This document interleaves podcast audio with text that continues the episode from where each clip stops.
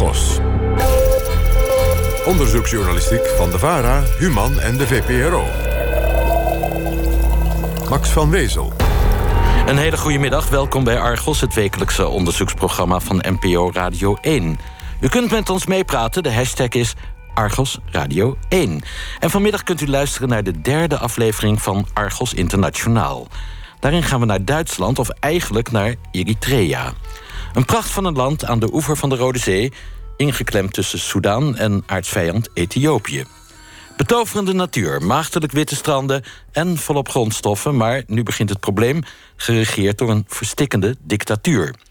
Duizenden Eritreërs per maand ontvluchten het land, vaak naar Europa...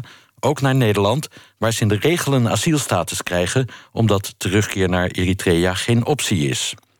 Maar hoe kan het dat zoveel mensen erin slagen te ontsnappen... uit zo'n strak bestuurd land?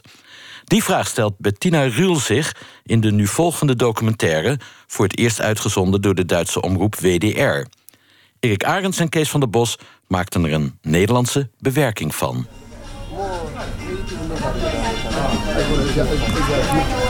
Een Eritrees restaurant in Kampala, de hoofdstad van Oeganda. Wie hier naartoe komt zit vol van verlangen. Naar huis, naar familie, naar Eritrea.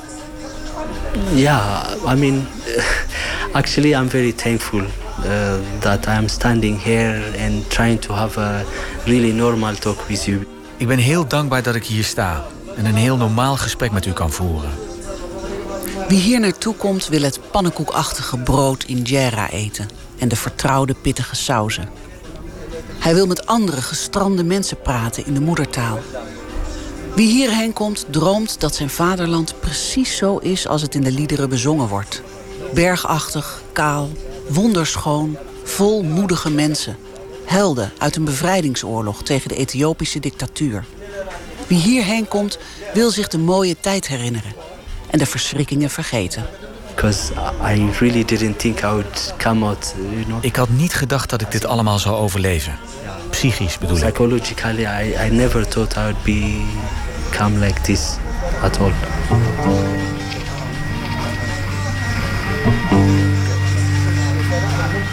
Je kunt de angst van Elias voelen. Ik probeer hem ervan te overtuigen dat hij mij kan vertrouwen. Ik ken zijn echte naam, maar heb beloofd dat ik die niet zal noemen. Anders zou hij niet met dit interview hebben ingestemd. Net als de andere Eritreërs die ik zal spreken. Goitom in Kenia, Kidane en Salomon in Ethiopië... en vele anderen die me hun verhalen vertelden. Zij hebben allemaal Eritrea verlaten. Daar in Eritrea zou vermoedelijk niemand de moed hebben... om zo openlijk met me te praten over onderdrukking smokkelnetwerken en geldschieters. Uh, everything, you know, I had to plan for it really because Ik moest het echt goed plannen, I didn't want to want risk ik wilde it. geen risico lopen. Elias is begin 30. Eind november 2015 vluchtte hij uit Eritrea. We zien elkaar vandaag voor het eerst. Dus hij moet een volstrekt vreemde vertrouwen. Hij is bang dat het Eritrese regime wraak neemt op zijn familie als zijn identiteit bekend wordt. En die angst baseert hij op ervaringen van veel van zijn vrienden. It's a one life chance or else Je hebt maar één kans.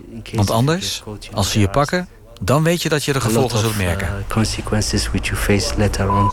Het kostte Elias maar twee dagen om van Asmara in Eritrea naar Khartoum, de hoofdstad van Soudaan, te komen. Via Zuid-Soedan bereikte hij in korte tijd Kampala in Oeganda. Vergeleken met andere vluchtelingen verliep zijn vlucht soepel en snel. Elias wil me vertellen waarom. Wat hij me zal toevertrouwen, brengt hem in gevaar. En daarbij speelt de vluchtauto een belangrijke rol. 1800 kilometer liggen tussen zijn thuisstad Asmara en zijn vluchtoord Kampala. Toch voelt hij zich niet veilig. De Eritrese ambassades zitten wereldwijd vol met spionnen, zegt Elias. Ook in Kampala en Berlijn. It's not true that uh, big numbers uh, of Eritreans are going to, to Europe. Het is niet waar dat er veel Eritreërs naar Europa gaan. Dit is Yemane Gebriab. Hij is adviseur van de Eritrese president Isaias Afewerki. Volgens de Verenigde Naties ontvluchten elke maand 5000 mensen het land. Ongeveer een kwart van de Eritrese bevolking zou het land al hebben verlaten.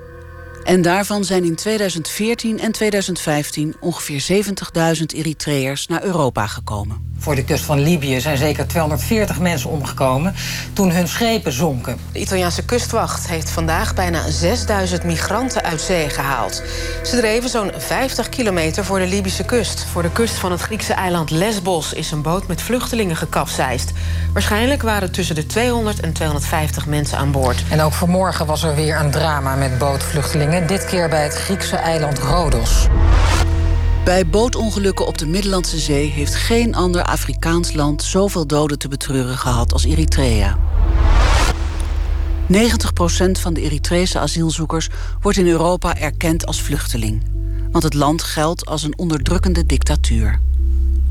Hoe kan het dat elke maand duizenden mensen vluchten uit een staat, terwijl de grenzen van die staat extreem scherp worden bewaakt? First I had to talk to a friend of mine ik heb eerst met een vriend uh, gepraat. Die kent iemand uit de business. In Kampala hebben we lang gezocht naar een rustige plek waar Elias zich veilig voelt voor spionnen. We zitten in de tuin van een restaurant waar weinig mensen komen, aan de rand van de stad. We kijken uit over heuvelachtige verten. There are some human traffickers.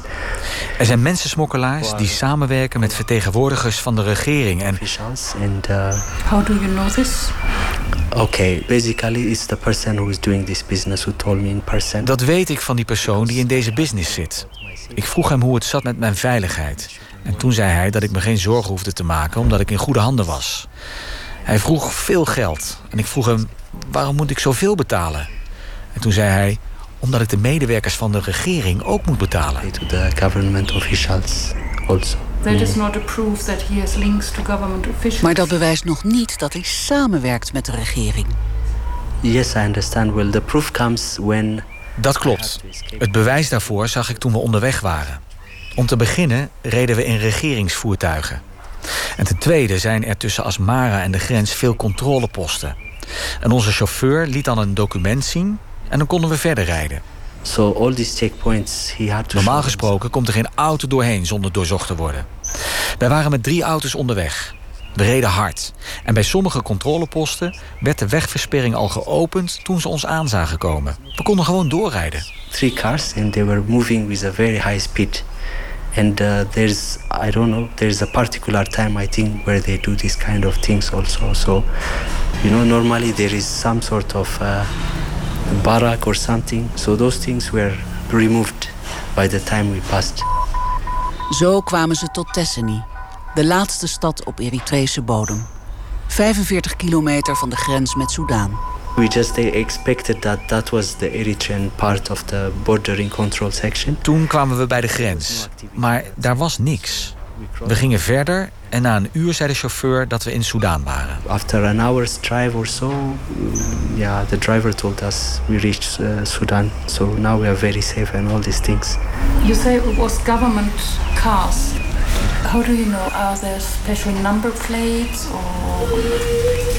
The surprising thing is the number plates were removed, but we can identify them with a color. Die nummerplaten waren gek genoeg weggehaald, maar we herkenden de auto's aan de kleur. De onze waren lege groen, met getinte ramen, waardoor je moeilijk naar binnen kon kijken. En voor zover ik weet worden die auto's gebruikt door het Eritrese leger. Het waren Hilux pick-ups. Uh, pick-up cars. In Nairobi, de hoofdstad van Kenia, zou ik later nog meer horen over de wagens zonder nummerbord. Hoeveel heeft Elias betaald voor het transport? I paid 6000 US dollars. For Asmara to Khartoum or Asmara to the border? Asmara to Khartoum. Ze zaten met z'n zevenen in de auto, zegt Elias. De bestuurder niet meegerekend. Hij zat voorin, samen met een vrouw... en vijf anderen zaten achterin. Ieder had 6000 dollar betaald. Dat is samen 42.000 dollar. Hoeveel de vluchtelingen in de andere twee auto's betaald hebben, weet hij niet. Elias besloot te vluchten toen hij in de gevangenis zat. Veertien lange maanden zat hij daar. Vaak in een gat in de grond. Liggen kon hij er nauwelijks en het weinige eten was nooit genoeg. En dan waren er nog de klappen, de straffen, het schreeuwen van de anderen die gefolterd werden.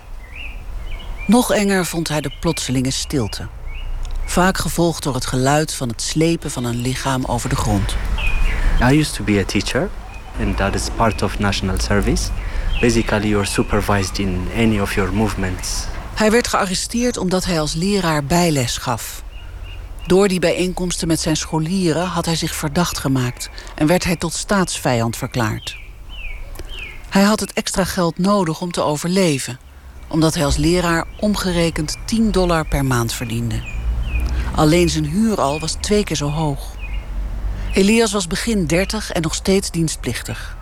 Hij ontving geen loon, maar soldij, zoals alle mannen en vrouwen.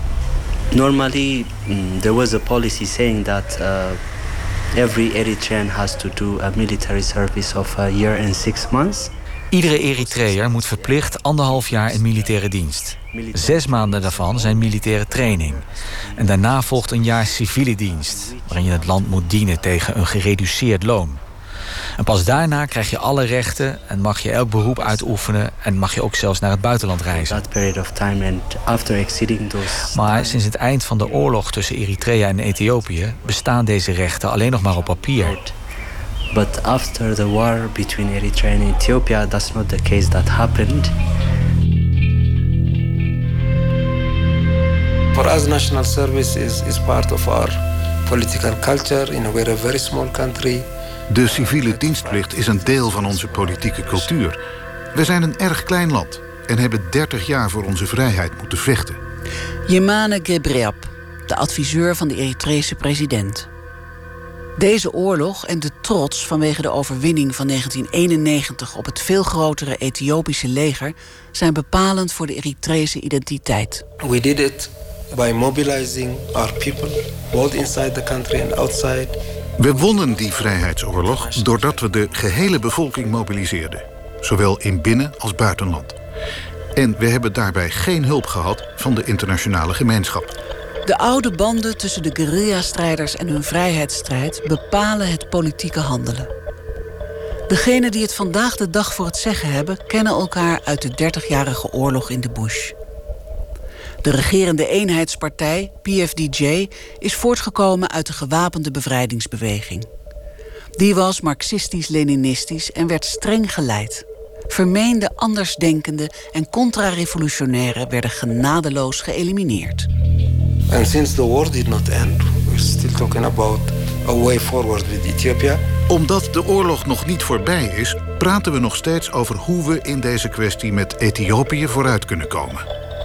President Isaias Afewerki stond jarenlang aan het hoofd van de guerrilla-strijders, totdat hij de hoogste positie van het land ging bekleden. Zijn militaire training kreeg hij in China. Tot op de dag van vandaag deelt hij de wereld in in vrienden en vijanden. En hij ziet vooral vijanden. Op de eerste plaats Ethiopië. Kort na het einde van de onafhankelijkheidsstrijd kwam het van 1998 tot 2000 nog een keer tot oorlog. Sindsdien houdt Ethiopië, ondanks een wapenstilstand, een klein deel van Eritrea bezet.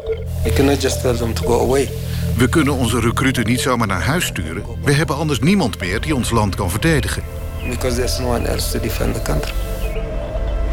There is a prolonged, uh, I would say unlimited uh, period of national service. Die civiele dienstplicht die duurt eigenlijk oneindig lang. Maar ieder mens wil uiteindelijk een eigen leven leiden. Trouwen, kinderen krijgen, al dat soort dingen. Because of this unlimited national service, people Maar door die eindeloze civiele dienstplicht komen we hier niet aan toe. En daarom hebben de mensen in Eritrea geen enkele toekomst. This has been an encouragement for young people to try to go to Europe. Door het hoge aantal asieltoekenningen worden Eritreërs aangemoedigd om naar Europa te gaan. It's also meant that there's a lot of Maar het leidt er ook toe dat veel asielzoekers zich uitgeven voor Eritreërs. Het centrum van de macht wordt gevormd door een handvol generaals... die verstrekkende volmachten hebben en directe toegang tot de president. Zij leiden het land als een leger en verlangen kadaverdiscipline. Het individu is niets. Eritrea is alles. En hardheid is de grootste deugd. De straffen zijn onverbiddelijk en vaak vreed. Volgens de Verenigde Naties is er bijvoorbeeld sprake van folteringen en buitengerechtelijke executies. Politieke tegenstanders worden behandeld als deserteurs in oorlogstijd. Maar de jonge generatie vocht niet in de bush. Die verlangt naar een normaal leven. We have a small standing army. We hebben een klein leger, maar de gehele bevolking ondergaat een militaire training. De recruten doen trouwens vooral civiele dienst in de productiesector. Voor de ontwikkeling van het land.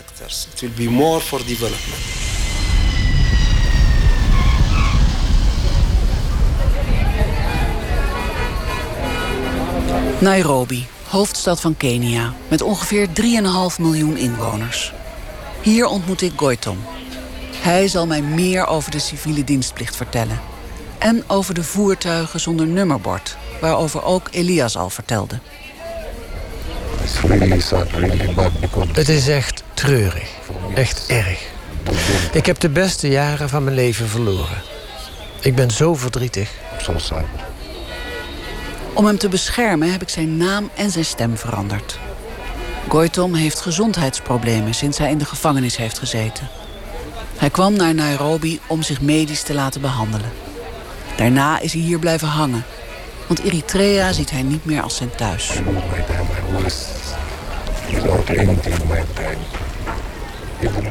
Ik heb mijn jaren vergooid. Voor mijn jarenlange werk ben ik niet eens normaal betaald. Nou ja, 10 dollar per maand. Levendige straten in voorsteden als Eastleigh. Overbevolkte sloppenwijken en een stadscentrum dat met zijn skyline, zijn designwinkels en zijn chique restaurants aan Europa doet denken. Niemand weet hoeveel vluchtelingen hier onderduiken. Kortom vertelt dat hij, zoals vele recruten die onder de wapenen zijn, aan het werk moest op privégrond of op bouwplaatsen van generaals. Dat is slavernij. Het is alsof je het privé-eigendom bent van grootgrondbezitters of generaals. Alsof je alleen leeft om hen te dienen. Veel dienstplichtigen ervaren dat zo. De plantage-eigenaren verdienen dankzij jou genoeg geld om voor hun familie te kunnen zorgen. En jijzelf leeft alleen maar om hun leven te verbeteren. Goitom is eind 30. Hij diende 18 jaar in het leger. Vocht in de grensoorlog tegen Ethiopië aan het front en moest tientallen kameraden begraven. Betrouwbare metgezellen voor het leven, zegt hij. En die moet je dan dood in de wildernis achterlaten. Alles voor het vaderland Eritrea, waarin hij ook zelf ooit geloofd heeft. Maar na het bloedbad aan het front volgde de dwangarbeid. Neem bijvoorbeeld Wedi Leges. Die had een enorme plantage in de buurt van Tesseni, aan de grens met Soudaan. Wij waren daar niet ver vandaan gelegerd. Elke ochtend om vier uur werden we gewekt. We deden onze behoeften en moesten ons daarna in rijen opstellen en naar zijn boerderij marcheren. Dat duurde ongeveer 40 minuten. De hele ochtend moesten we op het land werken. Voor de middagpauze marcheerden we weer terug naar ons kamp. En in de middag moesten we weer terug om tot vijf uur te werken. Wanneer we daarna in ons kamp terugkwamen, moesten we onze overige taken uitvoeren. Zoals s'nachts patrouille lopen.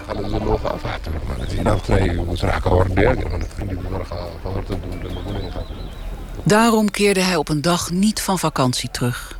Wetend dat ze hem om die reden zouden oppakken.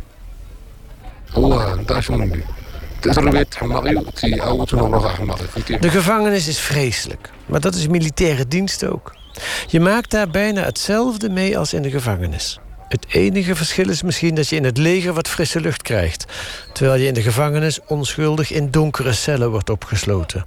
Maar verder, je hebt in beide gevallen angst. Je wordt slecht behandeld en voortdurend gestraft. Acht maanden lang zat Goitom gevangen. In 2012 kwam hij uit het leger. Lichamelijk en geestelijk een gebroken man. Omdat hij gedemobiliseerd was, kon hij Eritrea legaal verlaten. Een uitzondering, zegt hij. Hij kent velen die illegaal zijn gevlucht. En verscheidenen deden dat door met een pick-up truck of met een landcruiser de grens bij Tesseni over te steken. Zoals Elias. Zijn kennis over de netwerken achter deze vluchtroute heeft hij opgedaan in het leger. Goitom was gestationeerd in Tesseni en was lange tijd chauffeur. De weg tussen Asmara en de grens kent hij goed. En gedurende zijn tijd in het leger heeft hij veel kunnen observeren. Natuurlijk zitten er generaals of mensen van de geheime dienst achter de smokkel. Tussen Asmara en Tesseni waren er toen 18 of 19 controleposten. Momenteel zijn het er een paar minder. Bij zo'n controlepost is de weg afgesloten. De militairen vragen daar naar een document waarop staat dat je toestemming hebt om door het land te reizen. Iedereen die langs die controlepost wil, moet uit de auto stappen en dat document laten zien. Als je geen schriftelijke goedkeuring hebt, kom je er niet langs. Maar de landcruisers en andere bekende voertuigen van hoge militairen worden gewoon doorgelaten. En als zo'n auto toch wordt gestopt, zegt de chauffeur gewoon: Ik kom van generaal die of die. Of die meneer van de geheime dienst heeft ons toestemming gegeven om deze controlepost te passeren. Dienstplichtigen in Eritrea hebben schriftelijke toestemming nodig om zich door het land te kunnen bewegen. En niet alleen voor reizen naar het gespannen grensgebied, maar ook voor bezoekjes aan familie. Zelfs wie in Asmara door de straten wandelt, heeft daarvoor speciale toestemming nodig of moet kunnen bewijzen dat hij gedemobiliseerd is. Anders wordt hij of zij gearresteerd. Maar ondanks deze strenge controle lukt het volgens schattingen van de Verenigde Naties elke maand 5000 mensen om het land te ontvluchten.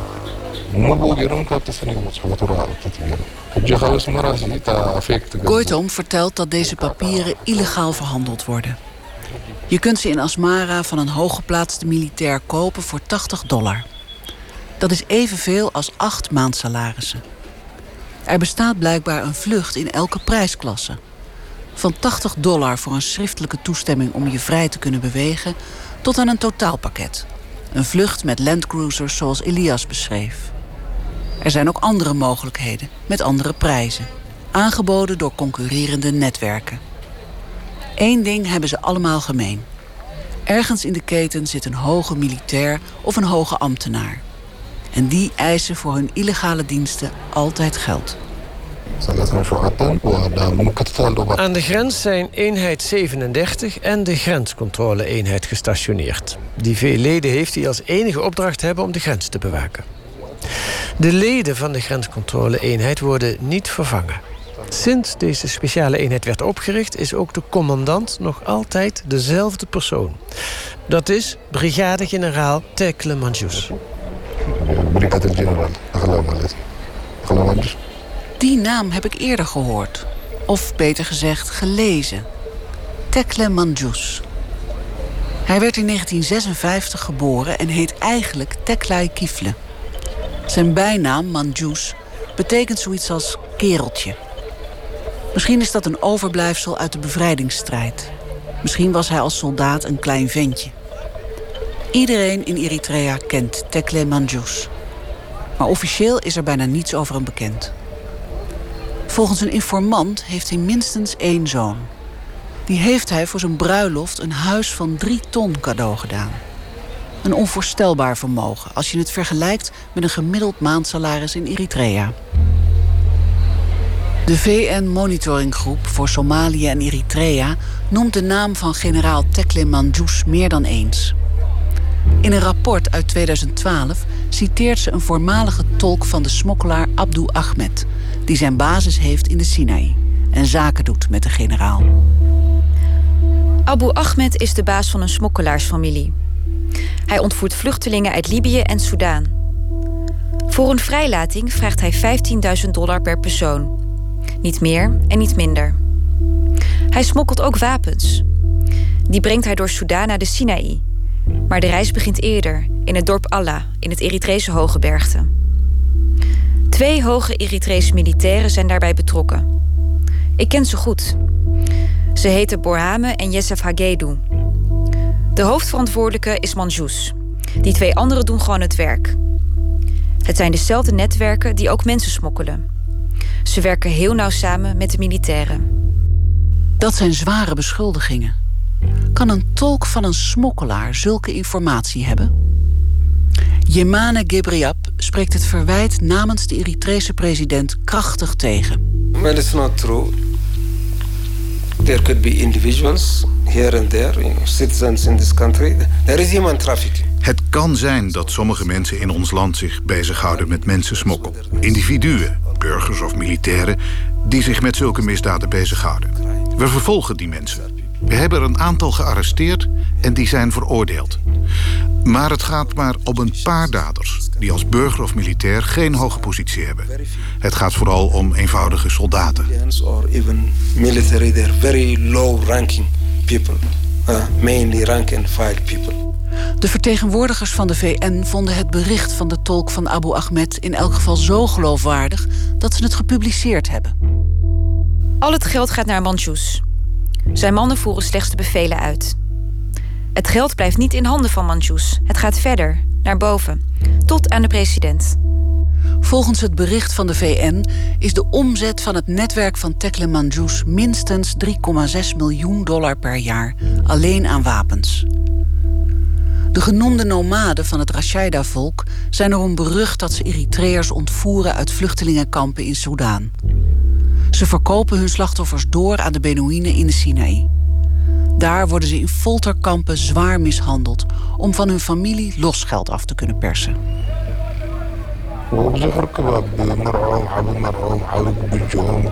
Het is in Eritrea geen geheim dat Tekle Manjus regelmatig omgaat met de Rashaida-nomaden. En dat ze elkaar uitnodigen op feesten. Bijvoorbeeld op het Islamitisch offerfeest. En op hun beurt worden de Rashaida uitgenodigd bij grote militaire gebeurtenissen. Het is ook bekend dat de Rashaida soms mensen dronken voeren en hen dan uitleveren aan Tekle Manjus. Of ze pakken mensen op tijdens hun vlucht, die beroven ze eerst en dan dragen ze ze over aan Manjus.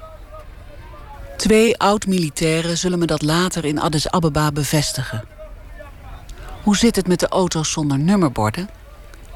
Heeft Tekle Manjus daar ook mee te maken?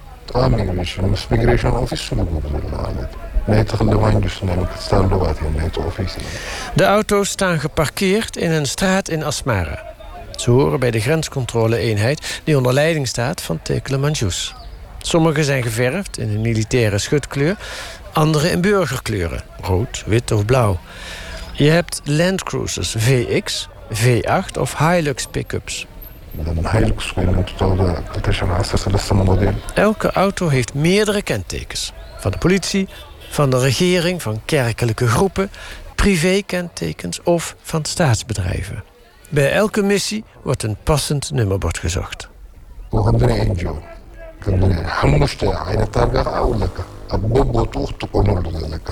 Dat weet hij, zegt Koiton, omdat hij zelf een keer in zo'n auto gereden heeft. Omdat in zijn eigen eenheid geen wagen beschikbaar was. De mensensmokkel is momenteel de belangrijkste handel. Iedereen die al naar het buitenland is gevlucht... wil zijn familie kosten wat kost helpen weg te komen. Want de situatie in Eritrea is hopeloos. Smokkelaars weten dat en vragen daarom zo'n 2000 tot zelfs 4000 dollar per persoon. Alsof het niks is. Zelf maken ze geen stuiver onkosten. De auto is van de regering, de chauffeur is van de regering en ook de benzine. Wat ze van de vluchtelingen vragen is pure winst.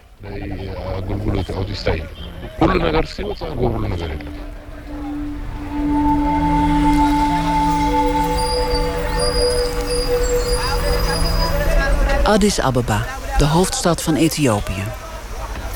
Meer dan 100.000 Eritrese vluchtelingen leven hier. En elk jaar komen er pakweg 20.000 bij. Dat staat in een vertrouwelijk bericht van de Europese Unie. Ik heb hier afgesproken met voormalig leden van het Eritrese leger. Ze willen me meer details vertellen over de betrokkenheid van hoge militairen bij de mensensmokkel.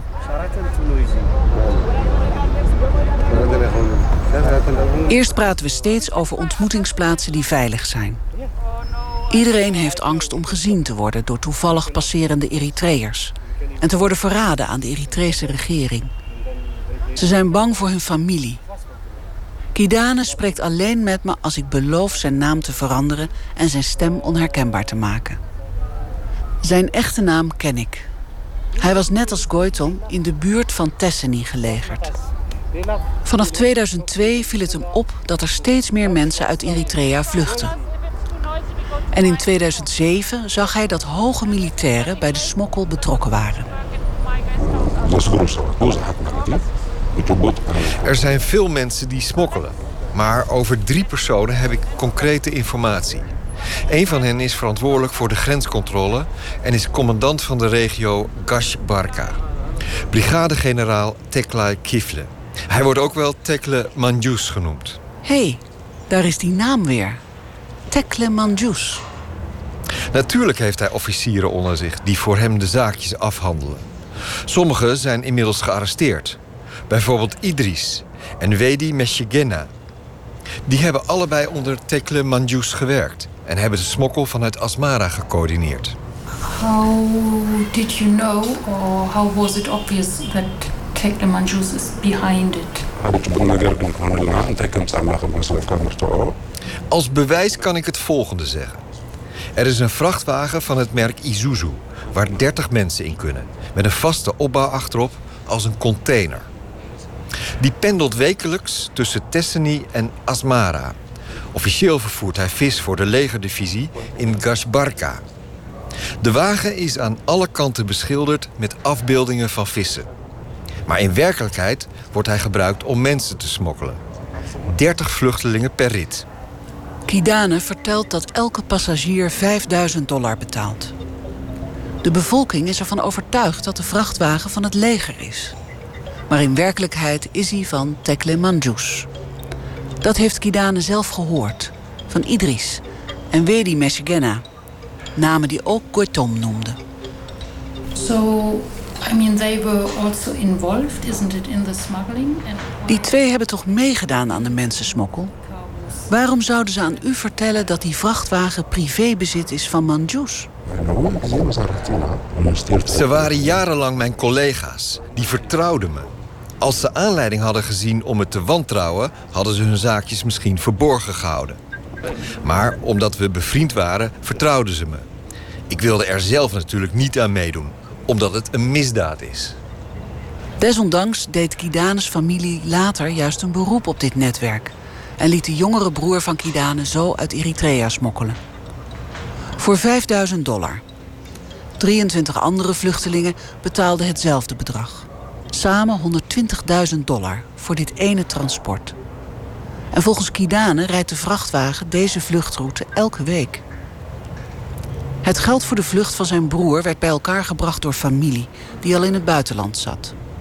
Hoe de betaling precies in zijn werk ging, zegt Kidane niet te weten.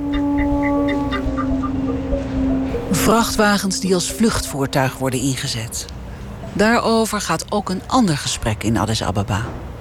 Ook deze informant diende in de regio Gashbarka, in het grensgebied met Soudaan. Omdat hij bang is voor de gevolgen, mag ik alleen de stem van de vertaler opnemen. There are vans which are supposedly transporting army material, but they are transporting people. Er zijn vrachtwagens die aan de buitenkant materiaal voor het leger lijken te vervoeren. Maar in werkelijkheid zitten ze vol vluchtelingen. Hij zegt dat hoge officieren verschillende manieren hebben om mensen het land uit te smokkelen.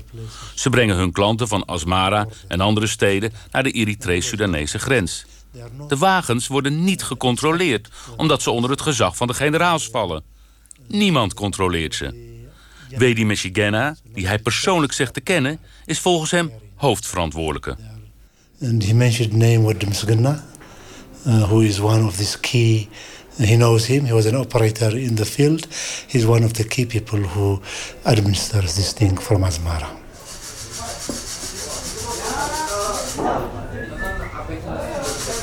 Tot slot tref ik Johannes, ook een voormalige militair. Midden 40 is hij. Hij heeft 26 jaar in het leger gezeten. Als minderjarige heeft hij nog meegevochten in de bevrijdingsoorlog van Eritrea. En na de overwinning is hij in het leger gebleven. We treffen elkaar in een van de traditionele koffiehuizen... waar de koffiebonen boven het vuur geroosterd worden en dan vers gemalen. Als voormalig vrijheidsstrijder heeft hij de Eritrese regering nog lang onvoorwaardelijk gesteund, zegt hij. Zijn identiteit moet ik om veiligheidsredenen geheim houden. Hij werkte bij de communicatieafdeling van het ministerie van Defensie... en in het partijbureau van de PFDJ, het Volksfront voor de Bevrijding van Eritrea. أعزاز غفلة سراويتن أو تيسانة أعزاز غفلة سراويتن كم minister المكلخال نبول قوم تسرحة Van de leiders in het ministerie van Defensie tot de onderste regionen bij de chauffeurs. Iedereen krijgt van het bureau van de president speciale documenten... waarmee je je overal vrij kunt bewegen. Dat geldt ook voor iedereen in het leger. Bovendien hebben de generaal-majoors, die het presidentsbureau in en uitlopen, invloed op de immigratieambtenaren. Zij kunnen bepalen wie een uitreisvisum krijgt en wie niet. Ze hebben ook eigen stempels en kunnen zelf passen en uitreisvisa maken. Heb immigration uitgegaan? Paspoort in het ويكا اكزيت فيزا نخت وصل محتم زغو سم محتم logo met toestemming van deze generaals mochten zelfs mensen in de dienstplichtige leeftijd uitreizen. In Eritrea zijn dat mannen en vrouwen van middelbare leeftijd. Mannen meestal tot 55, vrouwen tot midden 30.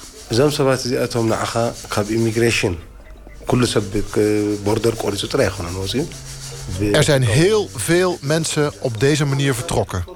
Ze hebben grote sommen geld betaald om de grens zogenaamd legaal te kunnen oversteken. We want to keep our people. We spend so much effort and so much money to train our people. We willen dat onze mensen blijven. We steken veel geld en energie in de opleiding van ons volk. Onderwijs is in Eritrea gratis. Gezondheidszorg is praktisch gratis. Dus voor elke jongere in dit land heeft de regering veel geld betaald. Yemane Gebriab, de adviseur van de Eritrese president. Do you think we, we spend all this money to, to want them to, to leave the country? Gelooft u nou echt dat we zoveel geld voor hen zouden uitgeven... als we wilden dat ze het land verlieten? Absoluut niet. Johannes vertelt over nog een smokkelmethode. In een vrachtwagen waarmee suiker uit de havenstad Massawa naar Soudaan werd gesmokkeld, werden ook vluchtelingen meegenomen. De helft van de wagen zat vol met suiker, in de andere helft zaten mensen.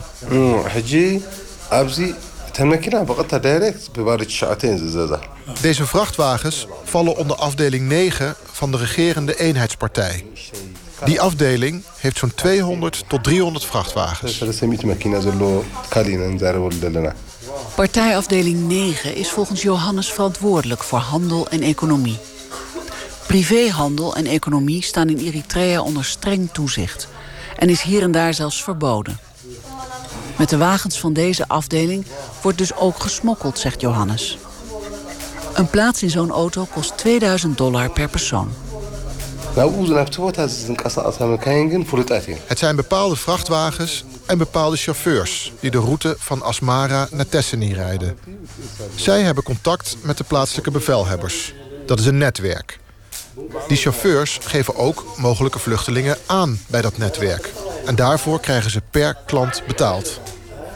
Ik kan me niet voorstellen dat het bureau van de president hier niks van weet. Want normaal gesproken vervoeren die vrachtwagens tonnen aan goederen en nu nog maar de helft. In de andere helft van de wagens zitten mensen. 40 tot 50 vluchtelingen.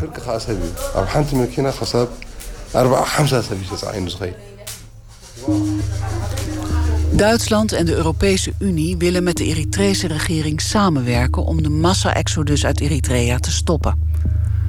Met ontwikkelingshulp en een betere grenscontrole in Eritrea, Soudaan en in andere landen in de regio. Voor dit zogeheten betere migratiemanagement in Oost-Afrika wil de EU 40 miljoen euro betalen. Concrete doelen zijn Verbeteren van het prestatieniveau van alle instituties en bureaus die verantwoordelijk zijn voor grenscontroles en migratiestromen. Dat zijn onder andere douaniers, wetshandhavers en justitiemedewerkers. Verder waarschuwt het actieplan van de EU voor het risico dat. Het materiaal en de training die ter beschikking worden gesteld. ook voor anderen, voor repressieve doelen, gebruikt kunnen worden.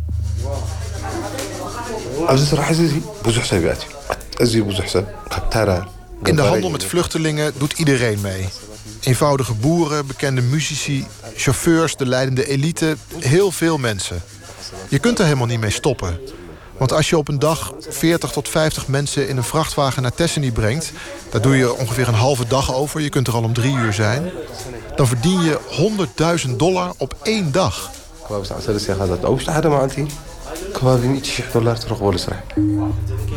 Op een vraag van de fractie van de politieke partij Die Linke... in de Duitse Bondsdag van 21 april 2016 antwoordde de bondsregering... In het verslag van de leden van de Somalië Monitoring Group van de Verenigde Naties aan de voorzitter van de Veiligheidsraad van 11 juli 2012 wordt de Eritrese regering in verband gebracht met illegale wapenhandel en mensensmokkel.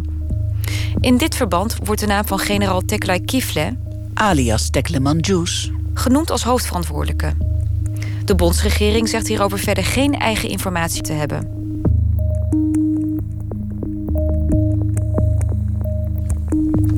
Tot zover dit portret van een regime dat meer op een mensenexportfirma lijkt. U hoorde een bewerking van Folterkammer Eritrea, een documentaire van Bettina Ruhl, die vorig jaar in Duitsland werd uitgezonden door de WDR, de West-Deutsche Rundfunk. Meegeluisterd heeft Eritrea-deskundige en hoogleraar in Tilburg Mirjam van Rijssen. Goedemiddag. Goedemiddag, Max. Herkent u dit verhaal? Ik herken dit verhaal heel goed. Uh, het is een uh, mooie uitzending. Uh, het is goed bij elkaar gebracht en het vertelt eigenlijk op een nieuwe manier wat al sinds 2010, 11, 12 door de VN Monitoring Groep gezegd, die dit ook onderzoekt voor de VN. En ook uit ons eigen onderzoek komen wij tot ja, precies eigenlijk dezelfde soort conclusies als die hier vandaag te horen zijn in de uitzending. Een naam die veel viel in de documentaire is Tekle Manjus, een uh, generaal die uit Eritrea komt, maar in Oost-Soedan uh, kantoor houdt. Uh, wat is dat voor iemand? Is dat inderdaad de spin in het web? Ja, dat kun je zeker zeggen. Dat is een hoge militair. En ja, hij gaat dus over de bewaking van de grenzen. En uh, nou ja, zoals in de uitzending heel goed werd aangetoond, heeft hij dus eigenlijk alle middelen qua transport en toegang tot uh, de regering om op die manier uh, de mensenhandel in ieder geval af te schermen en te zorgen dat die kan plaatsvinden. Ik zit even met de technische kant van dit gesprek, mevrouw Van Rijs. Misschien is het beter, want we werken nu via Lucie. Ik ga het niet uitleggen allemaal, het is hele moderne apparatuur. Maar misschien bellen we gewoon even. Hier ben ik. Ja, uitstekend. Dit gaat goed. Uh, u schreef uh, dit jaar samen met anderen een uh, dik boek over de vluchtindustrie in Eritrea. ja, het blijft een bizar verhaal. Hè? Het staat ook al in het boek dat u schreef... dat eigenlijk het Eritrese regime geld verdient aan haar eigen vluchtelingen. Ja, het is eigenlijk een van de hele... het regime. En... Ja, het is heel zorgelijk omdat het ook heel veel verwarring oproept uh, bij mensen hier. Hoe kun je nu zoveel uh, vluchtelingen hebben? Ja. Uh, tegelijkertijd door het regime zelf verhandeld worden. Maar het is, nou ja, zoals heel goed werd aangetoond... het is een grote bron van, van, van inkomsten. En dit is ja, al sinds nou ja, zo'n jaar of tien aan de gang. Het zou om een industrie gaan met een omzet van zo'n miljard per jaar... Uh, ja, dat moet, moet georganiseerd zijn. Denkt u dat de dictator van Eritrea, Afwerki, hier zelf achter zit? Nou, in ieder geval uh, kun je, uh, zou je toch echt wel kunnen stellen dat het ja, eigenlijk niet, niet denkbaar is dat hij er niet gebeurt. In ieder geval in supervisie, als je het zo, zo, zo zou kunnen zeggen. Uh, Eritrea is een absolute dictatuur. Er is niets wat er in dat land uh, gebeurt tot het allerhoogste niveau is. Mevrouw Van Rijs, wij, wij, hebben een beetje pech. Het is een heel interessant gesprek, maar de techniek werkt gewoon niet mee. We gaan even muziek draaien en opnieuw inbellen.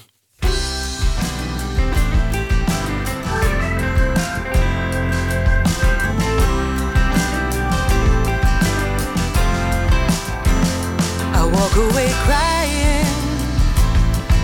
again. And I'm totally confused again. You sit there not talking like you always do. Is this what I'm missing?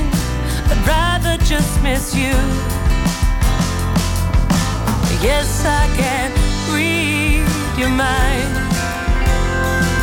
but it's the words that you don't say make me walk away again.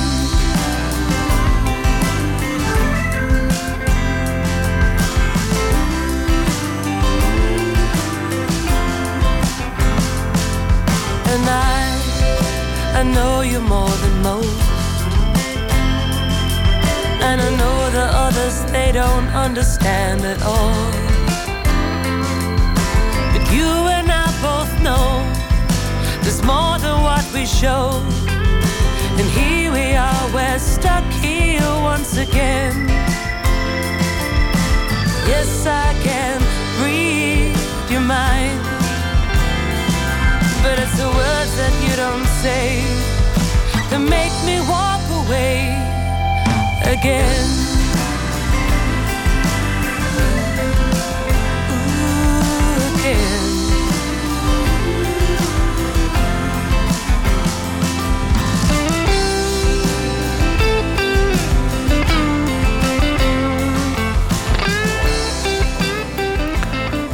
Toby was dit. Hey, Max. Dag Mirjam. Dit gaat beter. Goed.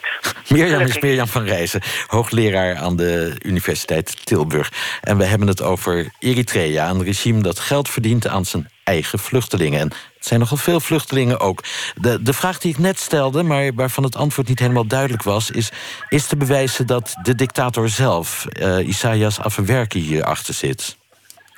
Ja, ik denk dat eh, we daar wel van uit moeten gaan. Eritrea is een absolute eh, dictatuur.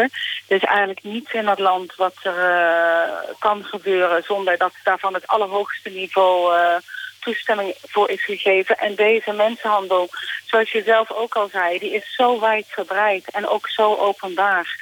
Dat, ja, dat het niet eigenlijk denkbaar is dat, dat de president daar niet van af zou weten. En ja, daarbij ehm, is het ook nog zo dat ehm, als hij het al niet ehm, zou eh, verordeneren, dat hij dus in ieder geval toestaat. We weten hier eigenlijk allemaal van. Het is een bekend eh, fenomeen, maar het wordt eh, ja, binnenlands en ook voor zover de invloed buitenslands is, niet, geen maatregelen genomen om het, om het te stoppen. U bent vorige maand nog in de omgeving van Eritrea geweest, in Sudan, Ethiopië, Oeganda, landen die vluchtelingen opvangen. Hoe is de situatie daar op dat moment?